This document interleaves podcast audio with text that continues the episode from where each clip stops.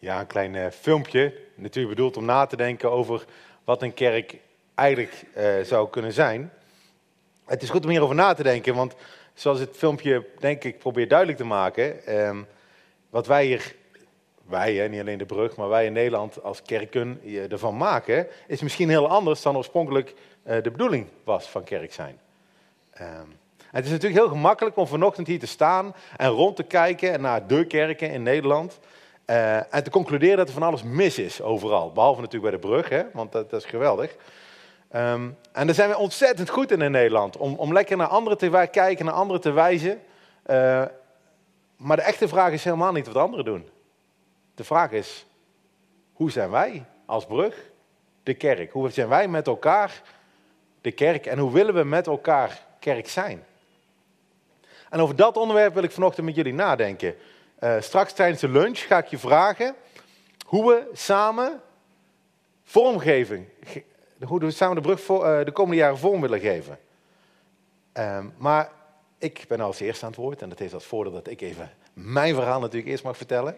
Wat ik jullie wil voorhouden is de droom die wij ooit hadden met de brug, vijf jaar geleden. Ehm, maar nog veel belangrijker, ik wil met jullie teruggaan naar die oorspronkelijke kerk. De eerste kerk die in Jeruzalem 2000 jaar geleden na de dood van Jezus begonnen is op die Pinksterdag. En misschien, en het heeft mij enorm verrast eigenlijk de afgelopen week toen ik ermee bezig was, dat ik dacht, oh, zo waren zij toen kerk en zo doen wij nu kerk. En dat is best confronterend. En ik hoop in ieder geval dat het eh, je zal inspireren ehm, en dat we dan straks er met elkaar over kunnen hebben. Wat dat misschien betekent of niet betekent voor ons. Vijf jaar geleden, in maart 2014, hielden wij onze eerste dienst eh, als brug in een gebouw, in de Akker. We hadden daarvoor al wat eh, geoefend in een schuur. Maar dit was de eerste keer dat we publiek gingen. Dat we mensen uitnodigden, vrienden, om te komen kijken. En ons doel was heel duidelijk. Dat hadden we ook opgeschreven met elkaar. Ons doel bestond uit twee dingen. En de eerste was dat we niet-kerkelijke mensen in Eindhoven op een eigen tijdse manier willen bereiken met het evangelie. Dat was heel belangrijk. Dat is heel belangrijk. We dachten toen, in 2014, en misschien geldt dat vandaag ook nog wel, dat het lastig is voor mensen die op zoek zijn naar God, hè, Patrick zoals hij net zijn verhaal hield, om naar een kerk toe te gaan en daar te snappen wat daar gebeurt. Ehm, terwijl we zelf heel enthousiast waren over, over Jezus, over, over lopen met God, vonden we het lastig om onze familie, om onze vrienden mee te nemen naar een kerk. Ehm, vanwege vormdingen. Vaak was het vorm of taalgebruik. Dus dachten we, weet je wat, we gaan iets nieuws doen in Eindhoven. We gaan een nieuwe kerk met elkaar beginnen. eh, met een aantal mensen die hier enthousiast over, over waren toen. En eh, een kerk voor nu, schreven we eronder. Met eh eigen tijdse diensten. In Jip en Janneke taal. Ja, slimmer ben ik niet, dus dat scheelt weer. Zonder oef, eh, ochtendgymnastiek. Dat was ook een van de punten. Je hoeft niet te staan, zitten, staan, zitten.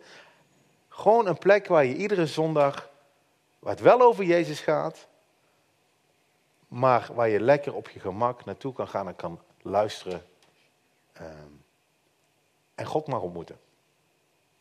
En ik hoop dat voor degenen die al, en de meeste van jullie zijn al eerder hier geweest, dat je dat een beetje herkent. Dat je dat ook een beetje ervaart als je hier komt. Nou, we hadden nog een tweede doel. En het tweede doel was als brug, was om elkaar te helpen om toegewijde volgelingen van Jezus te worden. Het is natuurlijk heel mooi als je enthousiast bent over wat Jezus gedaan heeft in je leven, net zoals we in het filmpje gedaan hebben. Maar Jezus roept ons op om hem te volgen. Ja, wat betekent dat? En hoe ziet dat eruit in, in 2019 in Eindhoven? En daar heb je elkaar keihard voor nodig, want heel veel dingen kan je niet alleen. Oh, Elkaar uitdagen, elkaar te bemoedigen, eh, met elkaar te bespreken. Hoe ziet het volgen van Jezus er dan uit in jouw leven en mijn leven? Onder die missiestatement, die twee punten, onder die visie, hadden we nog een missie geschreven, moet ik zeggen. En dat was het volgende. Onze droom is om een kerk te zijn waar mensen thuiskomen. Waar ze God mogen vinden en een leven voor Hem mogen leven. Want we geloven dat dit uiteindelijk hetgeen is waardoor mensen echt geluk, vrede en vrijheid zullen vinden. We wilden een kerk zijn waar mensen konden thuiskomen. Thuiskomen bij God de Vader. waardoor ze meer geluk, vrede en vrijheid zouden vinden. Omdat God dat zo graag aan ons wil geven. En als ze dan thuiskomen bij God, mogen ze ook thuiskomen in het gezin van God. Dat zijn wij en dat is de kerk. Allemaal mensen die ontdekt hebben dat God hun vader is en hun lief heeft. En het bijzondere van een kerk, en daardoor is een kerk wel echt iets anders dan een voetbalclub, is dat je heel veel verschillende mensen juist tegenkomt. Over de hele uh, lagen van de samenleving, allemaal verschillende achtergronden, uh, verschillende hobby's, uh, verschillende karakters. Hè, dat zou je ongetwijfeld gemerkt hebben. Um, maar die allemaal willen weten hoe een leven met God eruit ziet. Die verwonderd zijn over Jezus. Die verwonderd zijn over wat hij gedaan heeft in hun leven. En die ondanks de verschillen die ze met elkaar hebben, zich toch thuis voelen bij elkaar. En daarom dachten we dat het goed was om dit jaar te beginnen met een themaserie die heet Welkom thuis. Welkom thuis, omdat we dat zo graag, dat gevoel willen we met elkaar hier hebben. En in de volgende weken wil ik gaan kijken naar, naar de verschillende aspecten van dat thuis zijn. Want een thuis en een huis bestaat uit verschillende ruimtes, kamers. Je hebt bijvoorbeeld een, eh, een, een eetkamer, waar je lekker bij elkaar komt om te eten. En je hebt een, een woonkamer, waar je even kan zitten en elkaar kan ontmoeten. Een keuken, waar het eten bereid wordt. En een tuin, waar je de buurman kan uitnodigen en lekker kan barbecuen van de zomer. Maar vandaag wil ik het alleen eigenlijk over het eerste hebben, over thuiskomen. Want wat is eigenlijk een thuis? Wat is het verschil tussen een huis, een gebouw, een groep collega's, de voetbalclub en thuis? Weet je, als ik thuis, thuis kom, na een dag hard werken, dan trilt mijn telefoon. Meteen als ik, de, als ik binnen wifi bereik kom. Hè? Dus ik zag ergens, had iemand opgeschreven, thuis is waar de wifi mij herkent. Ja. ja misschien is dat thuis voor jou. Uh, ik denk dat mijn kinderen het wel vaak zo ervaren. Dat ze van een 4G af kunnen en hup naar, uh, hij doet het weer, de telefoon. Nee, de Engelsen zeggen, home is waar de hart is. Thuis is waar het hart is. En dat zegt al een heleboel, hè. Dat het bij thuis niet zozeer gaat over de stenen, over de, over de kleur verf op de muur, over je geweldige apparaten die je in je keuken hebt. Eh, maar dat het gaat om de mensen die thuis zijn. Mensen die je lief hebt. Mensen waarmee je kan lachen. Mensen waarmee je een lekkere maaltijd kan delen. Eh, en daarom, ik, ik zat van de week erover te lezen. Ik denk van ja, dat is makkelijk vanuit mijn perspectief. Hè, want als ik aan thuis denk, dan denk ik aan mijn gezin. Hoe zit het dan bij singles? Maar het schijnt dus ook zo te zijn dat het voor singles lastiger is om van een huis een thuis te maken omdat daar, dat ze, ja, alleen, dat ze zichzelf hebben daar. Misschien een kat of een hond, maar... En vaak nodigen die ook mensen uit. Maar het schijnt lastiger te zijn. Dus als we het hebben over een kerk waar we willen zijn, waar mensen thuiskomen... dan gaan we het niet, we hoeven het niet in eerste plaats te hebben over de kleur van de stoelen... of over het podium, of over de kwaliteit van de muziek... of over de programmaboekjes, of over de kidsclub. Maar dan hebben we het over elkaar. Over, over jou en mij. Hoe we met elkaar omgaan. En daarom denk ik dat het goed is om even terug te gaan naar die gemeente, 2000 jaar geleden. Hoe gingen die mensen met elkaar om? Ze hadden, Jezus gestorven, was opgestaan. Hij was naar de hemel gegaan en in één keer gebeurde er wat waardoor die eerste kerk ontstaan is. En hoe anders was dat toen dan met ons? En de vraag die je daarbij altijd kan stellen is, zo'n verhaal dat je leeft van 2000 jaar oud, is dat gewoon een mooie omschrijving van wat er toen gebeurd was? Of is het ook schrijft het ook iets voor. Is, is het ook, als je de Bijbel leest, staan er soms dingen die je moet doen en soms staan er dingen die gewoon ter informatie zijn. En ik denk dat het voor dit stuk alle twee is. Het is zoals het gebeurd is 2000 jaar geleden, maar het hart van God zit er ook in. Hoe hij graag wil dat we met elkaar omgaan. De context van dit verhaal, voor ik begin, is, is het is de Pinksterdag, het is Pinksteren. En uh, Jezus is 50 dagen geleden doodgegaan en opgestaan. En een van de vrienden van Jezus, en, en die heette Petrus, die hield een toespraak. En dat is bijzonder. Petrus was gewoon een visser. Die was niet van de toespraken. Maar hij had een geweldige toespraak. En heel veel mensen waren toevallig in Jeruzalem bij elkaar gekomen op die Pinksterdag. En, uh, en Petrus neemt het woord en hij vertelt de mensen over Jezus. over Jezus zijn dood, over zijn opstanding. En een heleboel mensen snapten op dat moment wat hij zei. En ze wilden Jezus volgen. Dat was heel bijzonder. En zo begint die tekst ook. Zij nu die het woord van Petrus met vreugde aannamen, werden gedoopt. En ongeveer 3000 zielen werden op die dag aan hen toegevoegd. Een enorme doopdienst. Kan je je voorstellen dat je met z'n twaalf, het waren met twaalf uh, volgelingen of zo. En uh, eentje geeft een preek. En in één dag ga je van twaalf naar 3000 man. Dat is een enorme groei. En er waren helemaal geen kerkgebouwen, ze kwamen gewoon buiten bij elkaar. In Israël hebben ze ook niet dit soort weer, dus dat scheelt meteen ook wel. en, en die mensen lieten zich dopen. Als teken van het, dat ze Jezus wilden volgen. Want ze, door de doop identificeerden zich ze in de dood, hè, de ondergaan in het water. En weer opstonden uit het water. In het, identificeerden ze zich met de opstanding van Jezus. En een nieuw leven met hem. het is al een enorme drukke zondag geweest. En als je 3000 man wil dopen. Zeker als je dat doet zoals wij dat doen, hè, waar iedereen nog een kort verhaaltje houdt waarom die gedoopt wil worden, dan ben je toch wel een, uh, paar dagen bezig. 3000 man. En wat deden ze toen met elkaar, die mensen? Ze volharden in de leer van de apostelen en in de gemeenschap, in het breken van het brood en in de gebeden. Nou, dit kleine stukje tekst ga ik even wat langer over hebben. De eerste kerk die volhardde.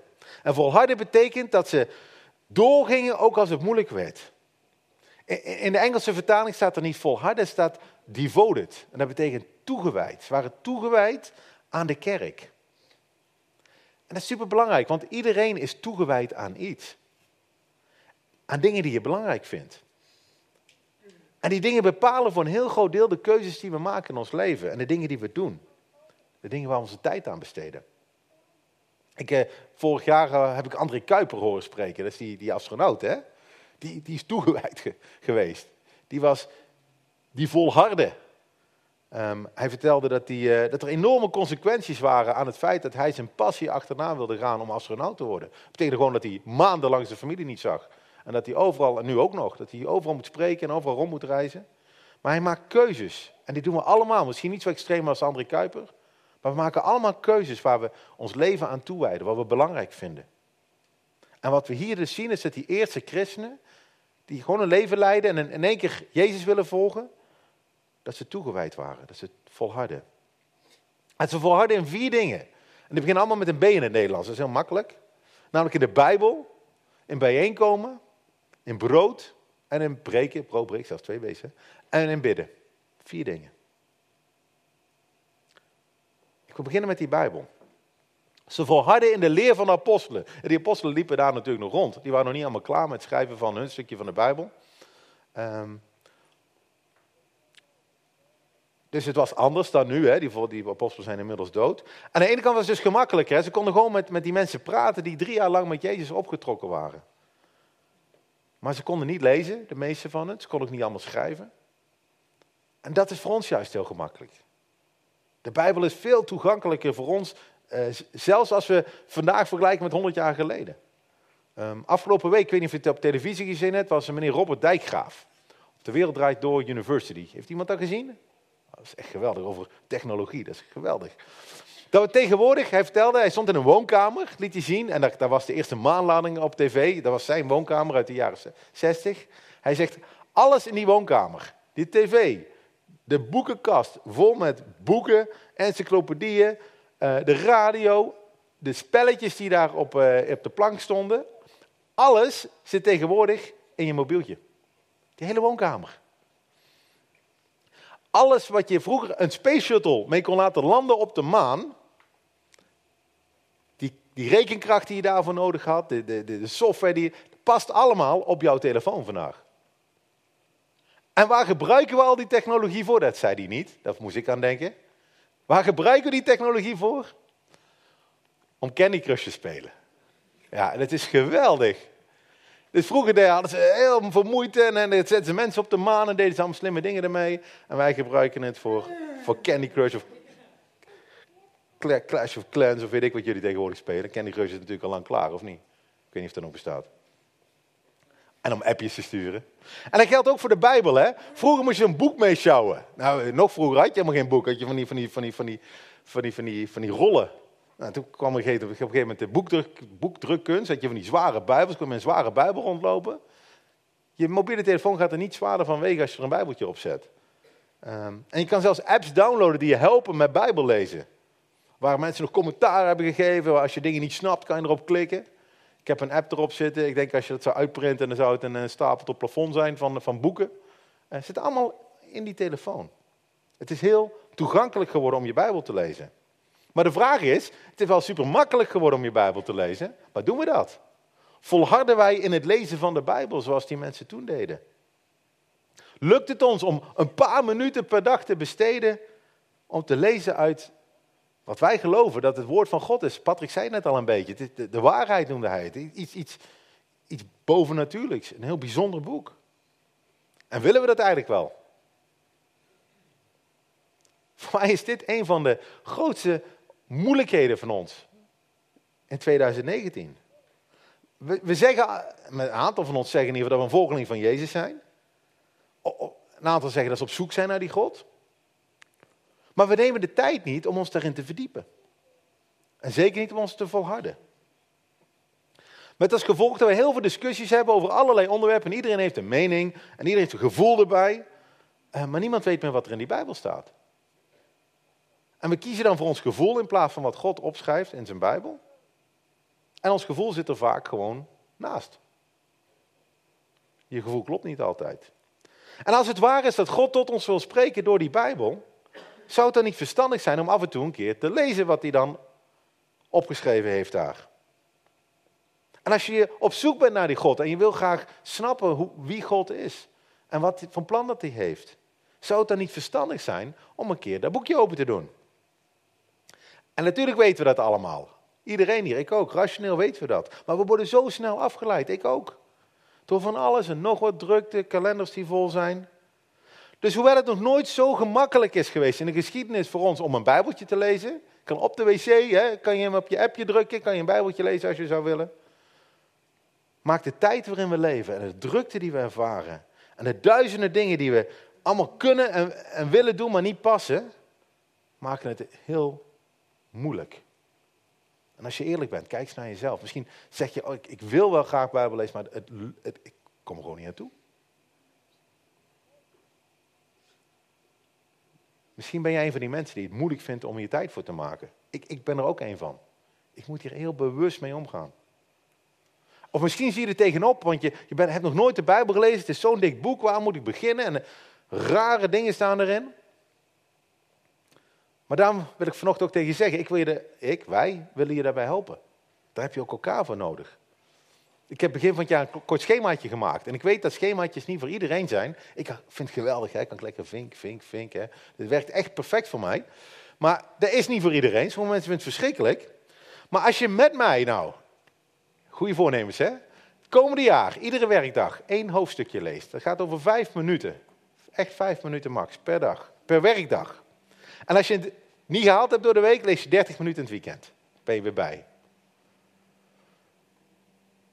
Dan hebben we op het eind van het jaar met elkaar het hele Nieuwe Testament, Nieuwe Testament doorgenomen. Helemaal.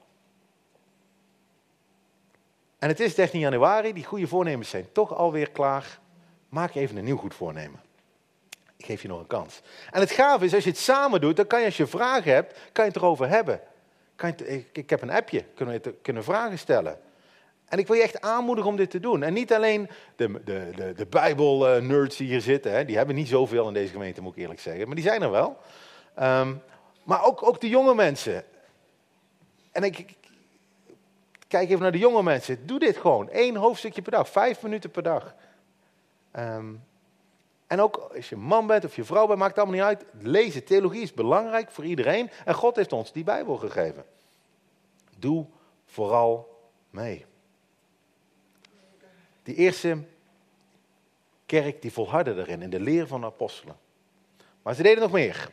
De Bijbel. Het tweede wat ze deden was, er staat de gemeenschap. Dat is weer zo'n geweldig woord dat we in Nederland hebben. Dat is heel mooi, daar hou ik ook wel van. Maar wat hiermee bedoeld wordt, is bijeenkomen, samenkomen, elkaar bezoeken, samen zijn. Het is zo belangrijk dat we meer met elkaar bezig zijn dan met onszelf. Meer wij en, minder ik. En dat is ook weer super lastig in 2019. God heeft ons aan elkaar gegeven als kerk. En daar heeft hij een doel mee.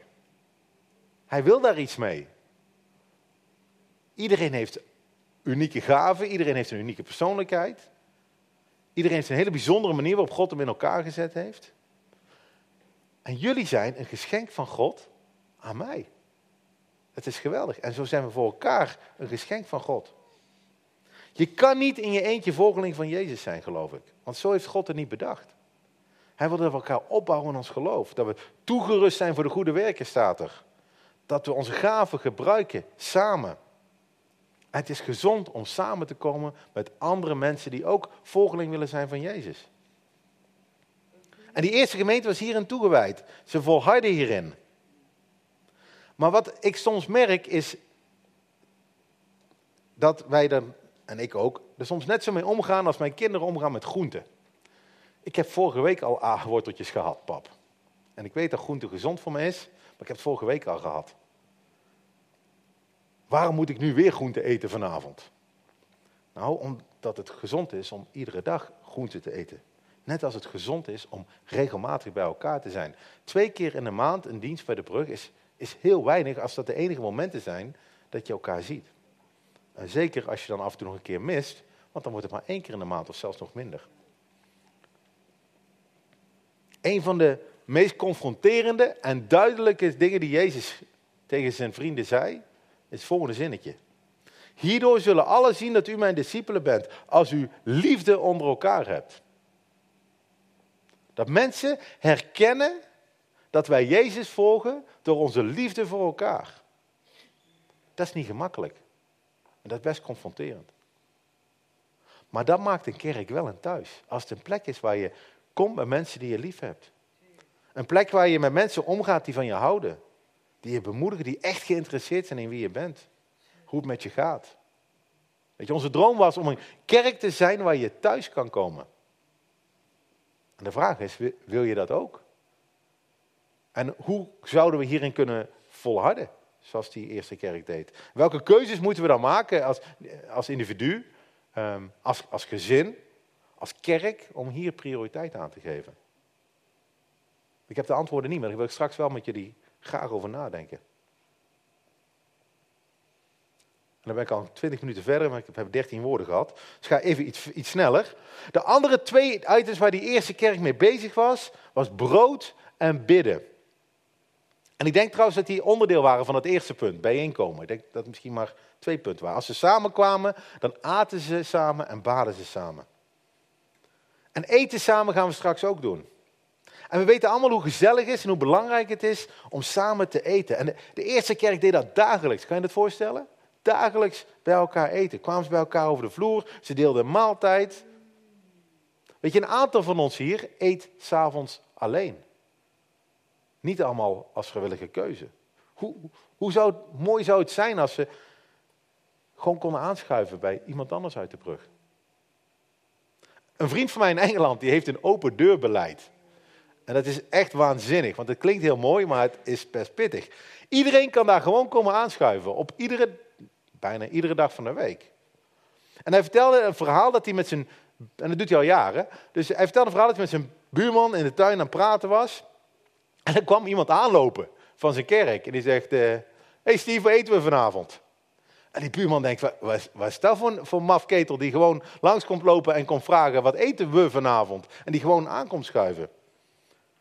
Dat vond hij heel raar. Maar het is geweldig dat, dat, dat ik dat kan en dat mensen gewoon binnenkomen lopen en uh, gaan koken en, uh, en samen gaan eten. Maar het is echt niet gemakkelijk om zo'n beleid te hebben, denk ik. Daar moet je echt heel bewust voor kiezen. En zou je dat willen? Zou je dat willen? Af en toe samen met andere mensen eten. Een van de redenen dat de Alfa zo'n succes is volgens mij, is omdat je samen eet. Het is niet alleen eh, een stukje onderwijs over dit is Jezus en dit is God en dit is de Heilige Geest en uh, weet ik wat, de opstanding en allemaal moeilijke onderwerpen. Maar ook die tijd samen, dat je met andere mensen die ook op zoek zijn naar God, samen eet en elkaar ontmoet. En natuurlijk gaat het hier verder, hè, want hier staat, staat niet alleen dat ze aten, hier staat dat ze het brood braken. En En het breken van brood verwijst natuurlijk terug naar de opdracht die Jezus gegeven had aan zijn vrienden om hem te herdenken. Het is niet alleen een gezellig gesprekje, en, en, en, maar het is ook nadenken over Jezus' gebroken lichaam aan een kruis. Als ze samenkwamen. Hoe, hoe zouden we dat samen beter kunnen doen? Jezus herdenken. Als we samenkomen. Denken over zijn dood, over zijn opstanding, over het leven dat hij aan ons gegeven heeft. En de eerste kerk vond dit belangrijk en ze volharden hierin. En ze maakten er tijd voor. En als vierde punt, ze baden voor elkaar. Baden is het verleden tijd van bidden. Dat is altijd lastig. Ik zou zeggen, ze bidden voor elkaar, maar dat is fout. Omdat ze geloofden, en wij ook nu nog geloven, dat God enorm grote dingen kan doen. Omdat we geloven dat God almachtig is en alles kan doen. En dat we ook geloven dat God een vader is die ons dingen wil geven als we vragen. God nodigt ons uit om aan hem te vragen. En daarom hebben we na iedere dienst bij de brug staat, staat hier een team. En die willen heel graag met je bidden. Zodat je voor elkaar kan bidden, net als je eerste christenen doen. En ik snap dat, en het ligt ook een beetje aan je achtergrond en wat je hebt meegemaakt in je verleden, dat sommigen daar terughoudend in zijn. Ik, ik heb ook wat dingen meegemaakt en ik denk, oeh, dan ben je daar misschien een beetje teleurgesteld in, in, in het effect of, of terughoudend in. Maar God zegt dat we alles aan Hem mogen vragen. En dat we mogen geloven dat Hij zal doen wat wij vragen. En ja, God blijft soeverein, Hij blijft almachtig. Hij mag uiteindelijk kiezen wat Hij wel en niet doet. Want Hij is veel slimmer dan wij. Maar dat betekent nooit dat we moeten stoppen met vragen. We mogen blijven vragen. Hij is onze Vader. Hij wil niets anders, niets liever dan met ons praten en luisteren naar ons en wat ons bezighoudt en wat onze behoeften zijn. Blijf volharden, ook in gebed. En als je niet weet hoe, dan vraag het dan. Vraag het dan. Dus twee dingen die de christenen deden. Bijbel lezen, bijeenkomen, hè, tijd met God, tijd met elkaar. En als ze bij elkaar waren, dan braken ze het brood, bidden ze met elkaar. Geen gebouw, geen budget, geen logo, geen vergaderingen, geen website. Niet eens een voorganger. Kan je dat voorstellen? Geweldig. Lekker rustig. Maar dan kan je afvragen, waarom begin je nou met deze tekst, Maarten? Want we zitten hier en we zitten wel in een brug en we zitten wel in een gebouw en je hebt wel een voorganger en we, we hebben wel een website. Um, en, en, waar is nou die missie gebleven waar we het toen straks over hadden? Daar waren die gasten in Jeruzalem helemaal niet mee bezig, toch? Maar ik geloof dat als we deze twee punten bijeenkomen, Bijbel lezen, als we die twee doen, tijd met God besteden en tijd met elkaar besteden, dat er een heleboel kan gebeuren hier. Dat we door het lezen van de Bijbel dat onze gedachten veranderen. Dat we ons, ons denken en doen echt verandert. Dat we door ons contact met God veel meer op Hem gaan lijken. Meer begrijpen van wat Jezus voor ons gedaan heeft. En dat het ons hart echt raakt en dat we van binnenuit veranderen. En dat we door elkaar, door de ontmoeting met elkaar, dat we aangescherpt worden, dat we betere mensen worden zelfs. Dat we leren met iedereen om te gaan. Dat we leren om iedereen lief te hebben. Hoe raar die persoon ook is. Hoe bijzonder die persoon ook is. En dat dat juist het verschil is als je een thuis wil maken. Een plek waar iedereen geaccepteerd wordt. Want kijk maar, die, die eerste gemeente die deed dit. En kijk eens wat er gebeurde. Kijk eens wat er gebeurde. Er kwam vrees over iedereen. Ze werden niet allemaal bang. Ze werden niet angstig. Hier wordt het woord ontzag bedoeld. Dat werd ontzag voor God. Er werden veel wonderen en tekenen door de apostelen gedaan. Geloof je dat? Dat God dat vandaag ook nog kan doen? Wonderen in ons midden? Tekenen? Ik geloof van wel. En alle die geloofden waren bijeen. Ze hadden alle dingen gemeenschappelijk. Ze verkochten hun bezittingen, hun eigendommen en ze verdeelden die onder, ook onder allen. Nadat ieder nodig had. Hun liefde voor elkaar hield niet op bij hun portemonnee. Het mocht ze wel kosten. Als iemand tekort had, kreeg hij geld van iemand die genoeg had. Ze deelden hun dingen. Ik kreeg van de week een, een, een appje van een buurman die, uh, die ook christen is. En die had deze tekst net gelezen. En die had net een aanhanger gekocht. hey, ik had deze tekst net gelezen en ik heb een aanhanger. En ik denk dat God wil dat ik mijn aanhanger deel met jullie. Ik denk, geweldig, ik moet naar de stort. Dus, uh, nou, was geweldig. Alles met elkaar delen. Daarom zal je merken, zeker voor degenen die al langer bij de brug lopen, al onze activiteiten zijn gratis. We vragen nooit ergens geld voor. Dat betekent niet dat alles gratis is. Die bakker die zo meteen komt, die zal wel wat centjes willen. De Stedelijk College en onze, onze vriend eh, de beveiliger, die zal wel betaald willen krijgen vandaag. Maar we willen niet dat mensen om financiële redenen niet meedoen. En daarom geven we allemaal naar draagkracht in een potje. En daar betalen we alles van. En we zijn al vijf jaar bezig en dat potje is nog steeds vol. We hebben nog nooit één jaar gehad dat we dingen niet hebben kunnen doen die we wel wilden doen. We hebben ook geen jaar gehad dat we met de pet rond moesten. Het gaat prima. God heeft ons alles gegeven. Het enige wat wij moeten doen is het goed verdelen. Op een zorgvuldige manier. En ze bleven dagelijks eensgezind in de tempel bijeenkomen. Op het tempelplein. Ze mochten niet de tempel in. En terwijl ze van huis tot huis brood braken, namen ze gezamenlijk voedsel tot zich. Dus het was niet alleen dat brood maar ook echt eten samen. Met vreugde en in eenvoud van hart. En ze loofden God en, luister hier, ze vonden genade bij heel het volk. Ze waren dankbare mensen, dankbaar aan God, maar ook hun buren en collega's en kennissen zagen dit. En de Heere voegde dagelijks mensen die zalig werden aan de gemeente toe. Iedere dag kwamen nieuwe mensen bij. Die groep van twaalf mensen, die dus 3000 op die ene Pinksterdag erbij kregen. 300 jaar later waren dat er 3 miljoen. Nog 100 jaar later waren dat er 30 miljoen in het Romeinse Rijk. God voegde die mensen toe. En als Brug hebben we ook gezegd, wij willen mensen bereiken. 230.000 in Eindhoven. Dat is veel. Drie kwart miljoen in de regio. En dat kunnen we niet alleen doen door hier samen te komen op zondag, maar ook door uit te delen van wat we hebben. We geven geld, bijvoorbeeld. Uh, afgelopen jaar hebben we geld gegeven aan, aan, aan een club in Breda, die, die bezig is met kerk te starten. Een club in Rotterdam, die bezig is met kerk te starten. We zijn onderdeel van, van een groep die heet X29, Handelingen 29. Handelingen heeft 28 hoofdstukken. Het 29 hoofdstuk is waar we nu in leven. Maar dat is een familie van meer dan 800 kerken wereldwijd. Die kerken planten, die kerken planten over de hele wereld. Komende week mag ik naar Manchester toe. Um, om mensen te ontmoeten uit Spanje en uit België, die met hetzelfde bezig zijn, met die missie. Om kerken te planten die een thuis kunnen zijn voor iedereen. Totdat iedereen een thuis gevonden heeft bij God. Niet om gebouwen neer te zetten, maar mensen toerusten.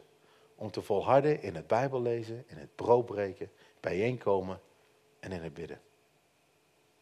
En het effect van deze kerk was enorm. Ik wil afsluiten met een brief die ik gevonden heb. Um, ik heb hem zelf uit het Engels moeten vertalen, dus het klinkt misschien niet helemaal super. Uh, de oorspronkelijke tekst was Grieks, maar mijn Grieks is niet zo heel geweldig. En ik vond een goede Engelse vertaling. Het was een uh, brief van een meneer Aristides. Meneer Aristides die leefde in Athene. Um, en hij schreef een brief naar de keizer van het Romeinse Rijk. In, uh, en die heette Antonius Pius. Dat was, die was keizer van 130 tot 160 ongeveer van, van onze jaartelling. En hij schrijft het volgende over de kerk. En ik vond het bijzonder. Die mensen hebben elkaar lief. En hij die heeft, geeft aan hem die niets heeft. Zonder te morren. En als ze een vreemdeling zien, dan brengen ze hem in hun huis en verblijden ze zich over hem als een echte broer.